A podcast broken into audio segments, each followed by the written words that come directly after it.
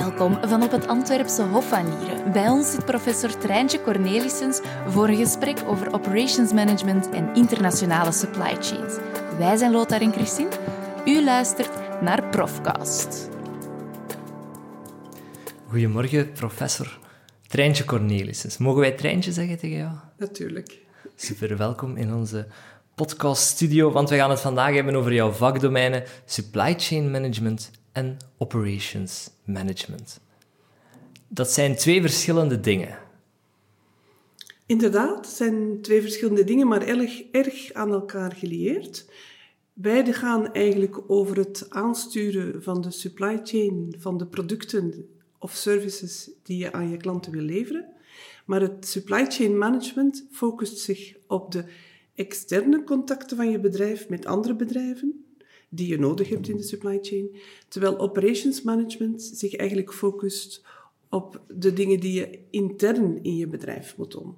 Maar natuurlijk gaat het ene niet zonder het andere. Een product gaat natuurlijk van ruwe materialen naar componenten, naar halfproducten, naar eindproducten. Dus deels doe je die dingen met andere bedrijven samen, of komt dat van andere bedrijven. Deels doe je die dingen zelf. Dat beslis je dus inderdaad zelf hoeveel je zelf doet. En stuur je eventueel dan zelfs nog je producten voor ze op de markt komen naar iemand anders door. Dus het ene is het beheersen van de supply chain, het andere zijn je eigen operations. Maar daar valt eigenlijk bijna geen duidelijke grens te, te maken. Dat loopt heel hard door elkaar. En ik hou persoonlijk het meest van supply chain en operations management als titel. Supply chain management is een concept dat eigenlijk maar rond 2000 ontstaan is, terwijl operations management, dat bestaat al veel langer. Dat komt eigenlijk natuurlijk uit de, de militaire sector, waar als je legers inzet, je operaties moet doen, die moet plannen, die heel goed moet plannen, eigenlijk een volledige supply chain moet voorzien, zowel van voeding, tenten, als natuurlijk je oorlogsmateriaal. Terwijl supply chain management is eigenlijk echt eerder ontstaan in een, dat, die term bedoel ik, in een business context. En pas rond jaar 2000 eigenlijk. En daarvoor had dat dan een andere naam? Nee, men dacht daar niet over. Men dacht eigenlijk toen nog heel erg ehm, vanuit het bedrijf zelf, dat een bedrijf zelf eigenlijk alles deed. Dat je eigenlijk van de start van je grondstoffen ergens ophalen tot het einde, tot het distribueren, dat je volledig die keten zelf beheerste. Er werd veel minder samengewerkt met andere bedrijven. Nu, zeker doordat die supply chain wereldwijd is, kan dat bijna niet. Dus je krijgt veel meer nood om te interageren met andere bedrijven. Nu, dat loopt ook heel erg gelijk met de evolutie van de ICT, van de informatica- en communicatiemiddelen die er bestaan. Want om natuurlijk samen te werken met andere bedrijven, moet je heel snel en transparant kunnen communiceren. Dus zowel het, het mobiele verkeer, uh, ik bedoel telecomverkeer, um, de, de, het internet en dergelijke, al die dingen, die maken het eigenlijk pas mogelijk dat je zo efficiënt kan samenwerken met andere bedrijven. Dus daarvoor, inderdaad, probeerde men alles intern te doen. Ja, en jullie hebben het misschien zelfs niet meer meegemaakt, maar um, ja, dat ging met telefoneren, met faxen, dat soort zaken. En dat gaat natuurlijk automatisch veel trager. Dus die ontwikkeling van samenwerken over de hele wereld gaat heel hard samen met de technologische evolutie.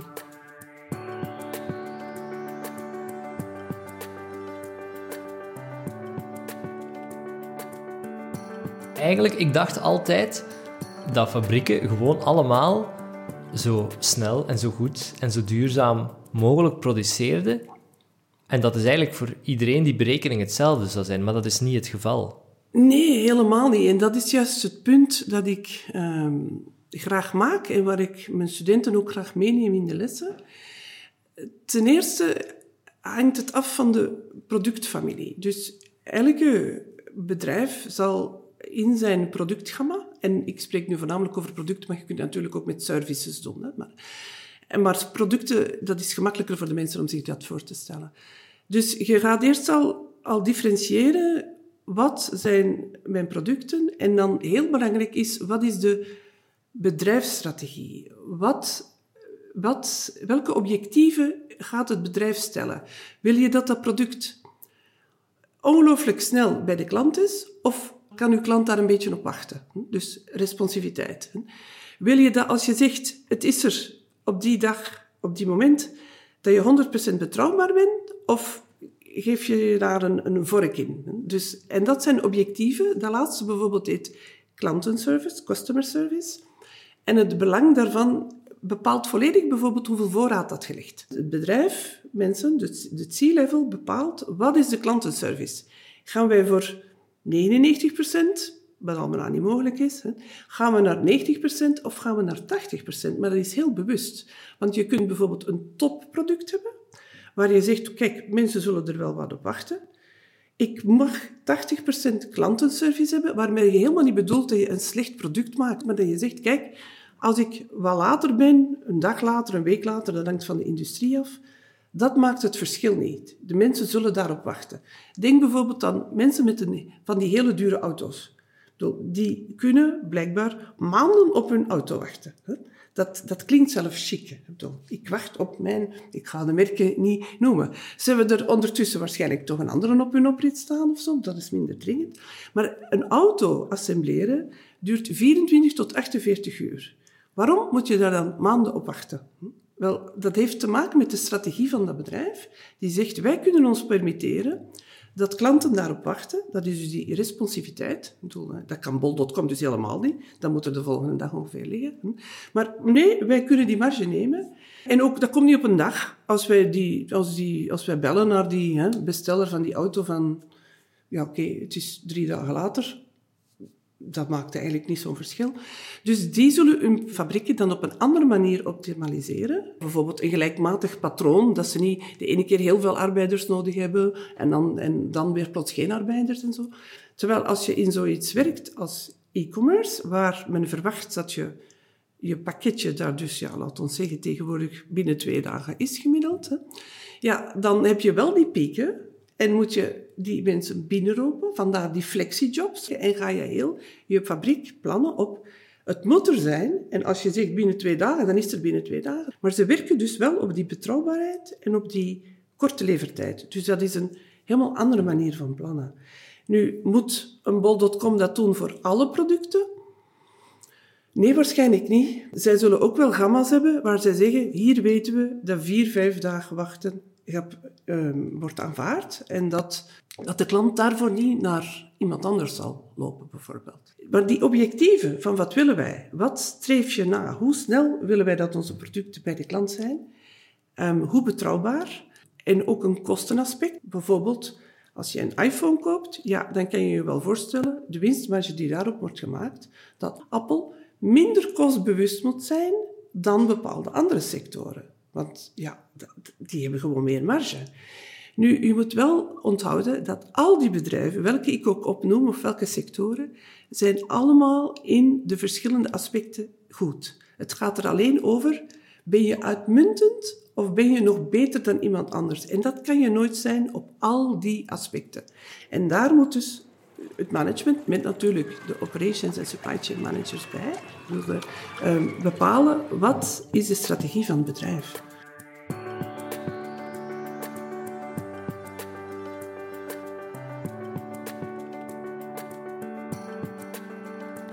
Treintje illustreert dit met een bekend voorbeeld. Aldi versus de lijst. De lijst is nu wel van Ahold, maar we zullen het nog maar de blijven noemen. Dus je ziet toch als je die winkel binnenkomt dat dat totaal andere strategie is en helemaal anders gepland wordt. In een Aldi liggen gemiddeld nu een duizendtal producten. In een klassieke de lijst 10.000. Dat is dus al een verschil van strategie. Dat werkt door op je distributiehuizen, dat werkt door uh, distributie, distributiecentra, sorry. Dat werkt door op je, je transport, op je voorraden die je hebt liggen. Nu, natuurlijk, die sector, die retail, heeft geen productieapparaat, maar je kunt de retail ook zien als bijvoorbeeld een Zara versus een H&M. Wat zeggen jullie? H&M, H&M? H&M zeggen jullie waarschijnlijk. Ik zeg H&M ook. Ja, H&M nog. Klinkt een beetje Vlaams van oké. oké. Dus Zara, die legt eigenlijk geen voorraden. Die zegt, kijk, wij sturen zoveel van dit model en die kleuren naar de winkel, maar dat is een beperkte oplage en je moet maar binnenkomen en het kopen. En als jij zegt, nee, ik weet het nog niet, ik kom volgende week terug, is de kans heel groot dat jouw maat, jouw kleur er niet meer is. Zara doet dat heel bewust, maar zorgt dat er tegen dan al een nieuwe collectie is met nieuwe kleuren, nieuwe, nieuwe en zo verder. Dus resultaat, zij maken van het hele voorraadgegeven eigenlijk eh, iets minder belangrijk. Ze zeggen, kijk, het, je moet het maar nemen. En wij maken ons niet druk van, liggen er nu nog genoeg van die maat, van die kleur en dergelijke. Wij zijn ondertussen er al met een ander model. En je moet die winkels maar eens binnenlopen. Je ziet werkelijk dat verschil. En H&M werkt nog altijd op voorraad. Daar zal je de kledingstukken van maten en modellen, die zijn in grotere voorraden en die blijven veel langer in de winkel liggen. Een seizoen minstens, misschien zelfs langer.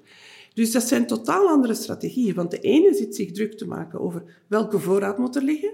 Want als ik niet die maat en die kleur heb, ja, dan loopt die klant misschien naar anders toe. De andere zegt, kijk, het zal mij worst wezen. Je neemt maar het kleedje of de broek mee die je wilt hebben. En sorry, als je dat nu niet doet, ja, dan is het volgende week iets anders.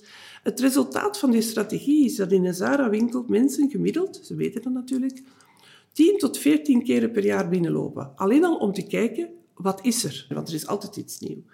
In een H&M is dat eerder gemiddeld twee à drie keer. Nu, wie doet het het beste? Het zijn allebei wereldketens met, met Europese origine, maar het is een verschillende strategie. En dat wil zeggen dat alles daarachter natuurlijk anders moet gepland worden. En Zara bijvoorbeeld heeft wel degelijk zijn eigen productieateliers, zijn eigen designers, die trouwens wel eens onder vuur liggen, hè, omdat ze de catwalks uh, natuurlijk um, onmiddellijk zitten te bestuderen, daar zullen het bij houden. En H&M probeert dat wat op te vangen met af en toe zo'n heel grote designer daar een kleine correctie te zetten. Maar het is een totaal andere filosofie.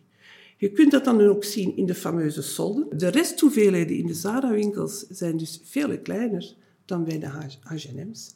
Ja, ik weet het wel, bij de Zara is het ook even grote gavels in de solden als bij de H&M, maar de hoeveelheden zijn veel kleiner. Dat, wie besluit dat? Dat moet als een businessstrategie gedefinieerd worden. En dan is het de taak van supply chain en operations om dat te vertalen, dat je het waarmaakt. Dat vind ik juist zo boeiend.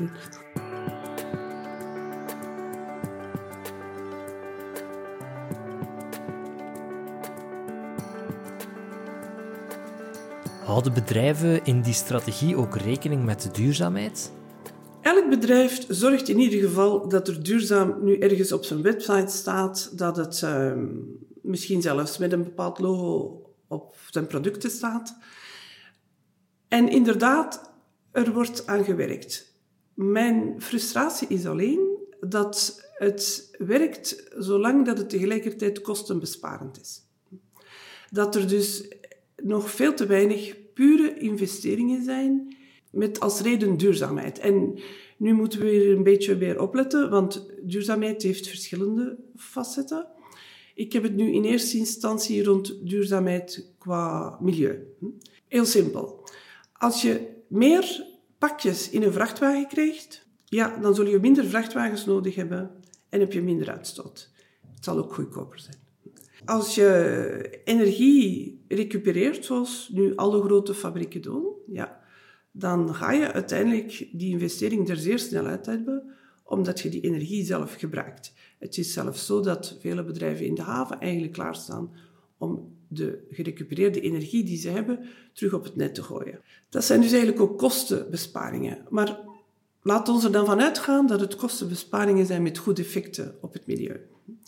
Maar als je zegt, nu gaan zij bewust iets helemaal omgooien om duurzamer te zijn, dan zijn we nog heel ver af. Dat zijn over het algemeen nog, laten we zeggen, marketingpraatjes. Dus, en dat is wel spijtig. Nu, ik denk dat er wel een trend is, maar het gaat heel veel afhangen van de kopers, het publiek, de consumenten, wij dus. Ik vind eerlijk gezegd dat het uh, duurzaamheidsgevoel van veel jonge mensen zeer oppervlakkig is. Ze lopen wel achter een vlag of ze lopen wel achter een optocht of uh, jullie weten de evenementen. Maar als je ziet wat ze kopen, wat dat ze verlangen van producten of bijvoorbeeld van uh, de snelheid waarmee ze hun pakketje hebben, ja, dan is dat per definitie niet duurzaam. Ehm, toen ik negen jaar geleden op de NIF kwam en ik vroeg in de aula. Ik probeer ze altijd wat wakker te houden met handjes opsteken. Wie vindt het belangrijk dat zijn pakje er is binnen de twee dagen? Negen jaar geleden niemand. Ze vonden dat gewoon belachelijk. Binnen een week, ja. Als ik dat de laatste jaren vraag, allemaal. En wie vindt het belangrijk dat dat er vanavond is? Nog altijd handjes. En waarom dan? Ja, ik ga misschien naar een feestje. Ja.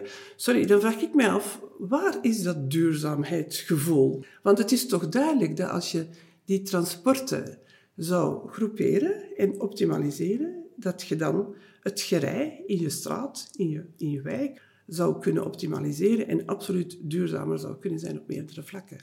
Nu, als we terugkeren naar die multinationals en naar um, bijvoorbeeld waar zij hun fabrieken zetten, dat um, een hele tijd toch ook te maken heeft gehad met loonkost. Dan weet je natuurlijk ook dat daar wantoestanden waren. En dan zie je ook dat een aantal van die grote bedrijven, dus, en dat is wel degelijk operations en supply chain management, daar veel meer aandacht voor hebben.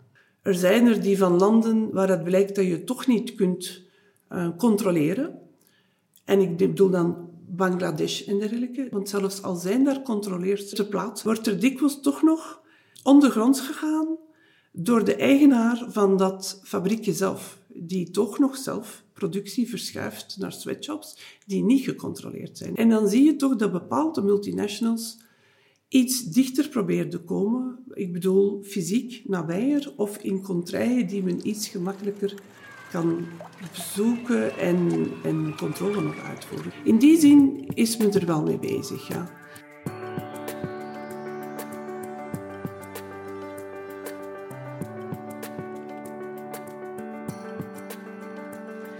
Kan een supply chain duurzaam zijn als er fabrieken in China gelegen zijn? Kan dat duurzaam verlopen? Alleen heel het productieproces? Ja, volgens, volgens mij wel. Ah, ja. Ik, uh, ja, ja. Um, dat is soms een misvatting een beetje dat de industrie of de technologie in die landen um, achterloopt. Nu, ik wil het hier specifiek meteen over China hebben, want eigenlijk lopen die technologisch op heel veel vlakken op het moment voor op ons. Nu, natuurlijk, dat hangt er vanaf over welke industrie je het hebt. Hè? Maar als je, uh, zoals vele multinationals doen, je fabrieken daar zet en je kijkt er zelf ook op toe, dan um, hebben die daar absoluut de technologie voor. Dus als je zegt, kan het, zeker en vast, zal de Chinese overheid dat willen doen? Ik denk voor dat soort fabrieken wel. Ik denk dat zij geen baat hebben om um, hun milieu zelf verder te verontreinigen. Ze hebben al problemen genoeg met hun oudere industrie. Het punt is, blijft natuurlijk alleen, zoals we meer en meer de laatste jaren en maanden werken, in welke mate kan je er controle op blijven houden. Maar het zal niet aan de technologie liggen. Het zal eerder aan de, aan de politieke omstandigheden liggen, denk ik. Of dat, zij, of dat je er binnen mag, of dat je alles mag bekijken wat je wilt en dat soort zaken. Maar wij onderschatten heel erg over het algemeen de kracht van uh, China als uh, ja, eigenlijk de, fabriek van de wereld. En dan kom ik aan een heel moeilijk onderwerp, namelijk dat wij nog amper hier in uh, onze landen de juiste skills hebben, ik bedoel dus mensen met skills, om die fabrieken bijvoorbeeld hier lokaal uit te bouwen. Qua robotisatie is China al een heel aantal westerse landen voorbijgestoken en dat gaat daar exponentieel. Maar in opleiding is het over het algemeen in China veel technischer en kwantitatiever dan hier in onze contraien. En ik bedoel daar niet mee dat die technische en kwantitatieve opleidingen hier niet bestaan. Maar er zijn relatief weinig mensen die die kiezen. Gegeven de coronacrisis en de file op het Suezkanaal onlangs, rijst dan niet meer en meer de vraag of er niet een te groot deel van onze westerse supply chain gevestigd is aan de andere kant van de wereld? Die vraag zal overal gesteld worden, dat is zo. Maar dan komt het punt inderdaad of dat je dat kan, technisch bijvoorbeeld, Um, heb je dan die skills hier? Voor vele zaken niet. Bijvoorbeeld, je zag het in die containers op dat schip, zaten bijvoorbeeld frames van die lichtgewichtframes voor mountainbikes. Omdat we hier niet meer de fabrieken hebben die dat kunnen maken. Dus hoe gaan we dat dan plots doen? Ja, misschien zou dan ook de overheid nu al lang bezig moeten zijn met waar gaan die fabrieken komen? Waar gaan we die dan zetten? Vraag me af wie ermee bezig is. Maar u mocht ook niet vergeten, en dat is in heel het betoog iets dat ik nu eigenlijk al te weinig heb vermeld, waar zit de groeimarkt? Bedrijven gaan niet noodzakelijk in China zitten, enkel om een lagere loonkost, die daar trouwens aan het stijgen is, of om de technologie, maar ook omdat de grootste groeimarkt daar is. Maar bijvoorbeeld als je elektrische wagens hier gaat bouwen voor de Chinese markt.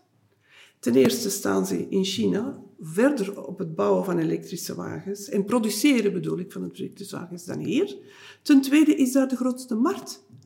Daar rijdt al veel meer openbaar vervoer elektrisch. Rijden mensen elektrisch. Zelfs acht jaar geleden in Shanghai, dan werd je verrast door elektrische scooters die je niet hoort. En ze doen dan ook hun lamp uit, want dan verbruiken ze minder energie. Ziet je hier veel elektrische scooters. Dus vergeet niet dat dichterbij komen. Voor welke markt is dat dan?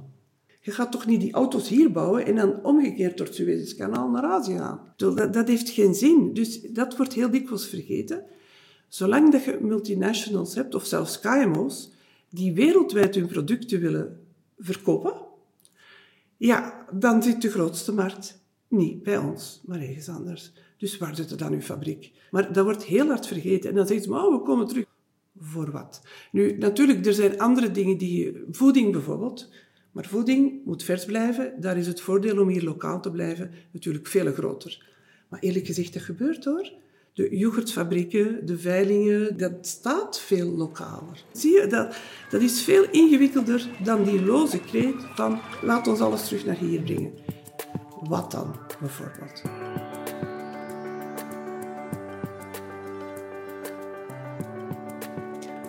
Professor Treintje Cornelissen vindt een internationale open blik bij studenten heel belangrijk.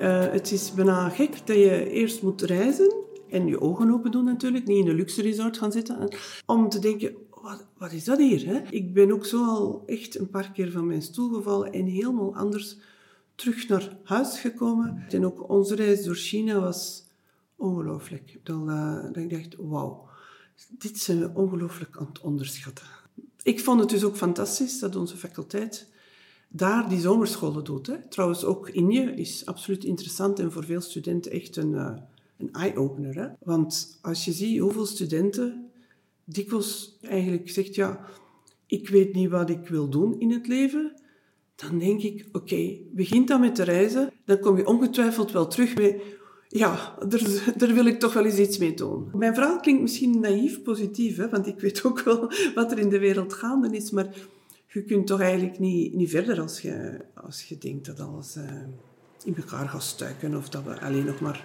op dit eilandje, op dit Vlaams eilandje gaan kunnen blijven leven. Dus ik pleit heel, heel hard voor openheid. Dit was Profcast met Treintje Cornelissens. Bedankt voor het luisteren. Wil je meer horen? Surf dan zeker naar uantwerpen.be schuine streep Profcast.